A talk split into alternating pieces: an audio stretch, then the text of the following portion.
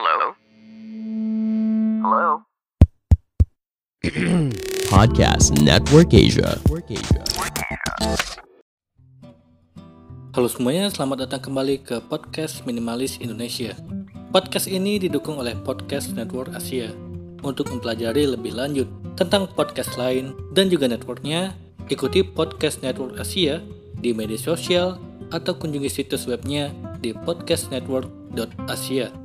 Podcast ini juga didukung oleh Podmetrics, cara termudah memonetisasi podcast kamu. Daftar sekarang gratis di podmetrics.co.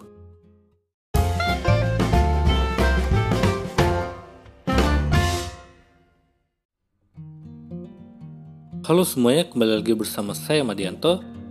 Kali ini kita akan membahas tentang tips mewujudkan rumah minimalis. Memiliki rumah minimalis artinya kamu harus menyingkirkan barang-barang yang tidak diperlukan dan lebih fokus pada hal-hal yang penting.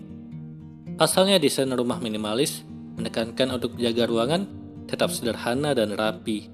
Karena sering menampilkan kerapian, semakin banyak orang yang tertarik untuk membuat rumah minimalis. Kalau kamu berencana mewujudkan rumah minimalis tetapi tidak tahu harus mulai dari mana, berikut adalah tips mewujudkan rumah minimalis idaman yang dilansir dari Ruhum. Yang pertama, rapikan. Hidup dengan lebih sedikit barang adalah suatu keharusan kalau kamu ingin membuat rumah minimalis. Jadi mulailah rapikan barang-barang sesegera mungkin. Jelajahi berbagai area rumah dan kelompokkan barang-barang yang tidak lagi digunakan.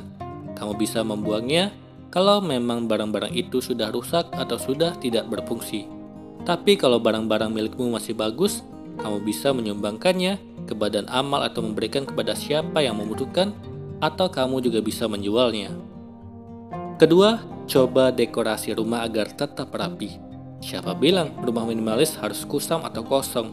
Kamu dapat mencoba dekorasi rumah yang rapi dan mempercantik rumah dengan cara yang mencerminkan gaya dan kepribadianmu yang unik. Beberapa contoh dekorasi rumah yang rapi adalah mengecat dinding dengan warna yang lebih terang, memperbarui perlengkapan lampu dan mengganti gorden, alih-alih mendekorasi dengan pernak-pernik. Gunakan bunga untuk menambah warna yang bervariatif. Ketiga, jaga agar tempat favorit selalu bersih. Kamu mungkin akan memiliki tempat favorit di rumah di mana kamu bisa dengan mudah bersantai. Seringkali kamu akan memilih untuk menghabiskan waktu di area ini untuk mengisi ulang atau menghilangkan stres. Di mana pun zona relaksasimu berada, gunakan waktu dan upaya untuk memastikan bahwa ini tetap bersih dan tidak berantakan. Misalnya kalau kamu menghabiskan sebagian besar waktu di kamar tidur, jangan gunakan meja samping tempat tidur sebagai tempat pembuangan sampah. Ini akan membuatmu stres karena harus memulai pagi dengan pemandangan meja samping tempat tidur yang berantakan. Tukar barang-barang yang tidak perlu di meja samping tempat tidur dengan segelas air atau tanaman. Semakin sedikit barang yang kamu tempatkan di area tersebut, semakin mudah bagimu untuk merasa rileks. Keempat, buat tempat penyimpanan tidak mempunyai penyimpanan yang cukup adalah salah satu alasan mengapa rumah tampak berantakan. Saat barang berharga tidak memiliki ruang penyimpanan, kemungkinan besar kamu akan meletakkannya di mana saja.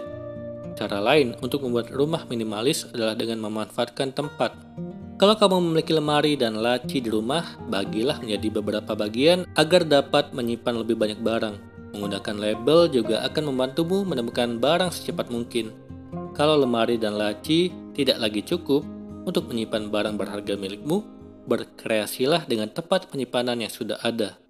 Kalau bergantung pada ruang yang tersedia di rumah dan barang-barang yang ingin kamu simpan, kamu bisa membeli kotak penyimpanan, beroda, atau memasang rak gantung.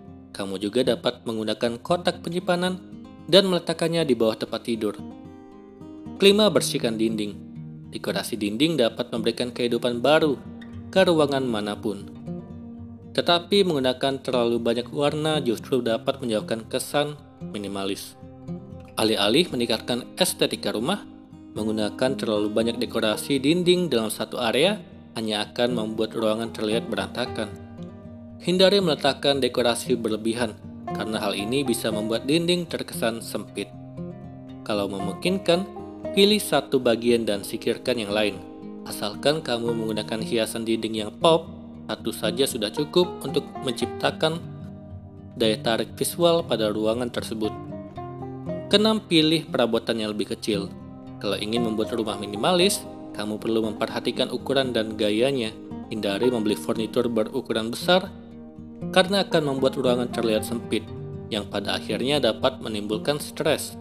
Perabotan yang lebih kecil dan lebih bagus lebih ideal saat membuat rumah minimalis. Ini dapat memberikan fungsionalitas sambil memberi ruang untuk bernapas. Atau kamu juga bisa membeli perabotan multifungsi yang bisa membantumu menghemat ruang. Itulah tadi tips mewujudkan rumah minimalis idaman. Semoga ini bermanfaat. Sekian dan terima kasih. Pandangan dan opini yang disampaikan oleh kreator podcast, host, dan tamu tidak mencerminkan kebijakan resmi dan bagian dari podcast Network Asia. Setiap konten yang disampaikan mereka di dalam podcast adalah opini mereka sendiri dan tidak bermaksud untuk merugikan agama, grup etnik, perkumpulan, organisasi, perusahaan, perorangan, atau siapa pun dan apa pun.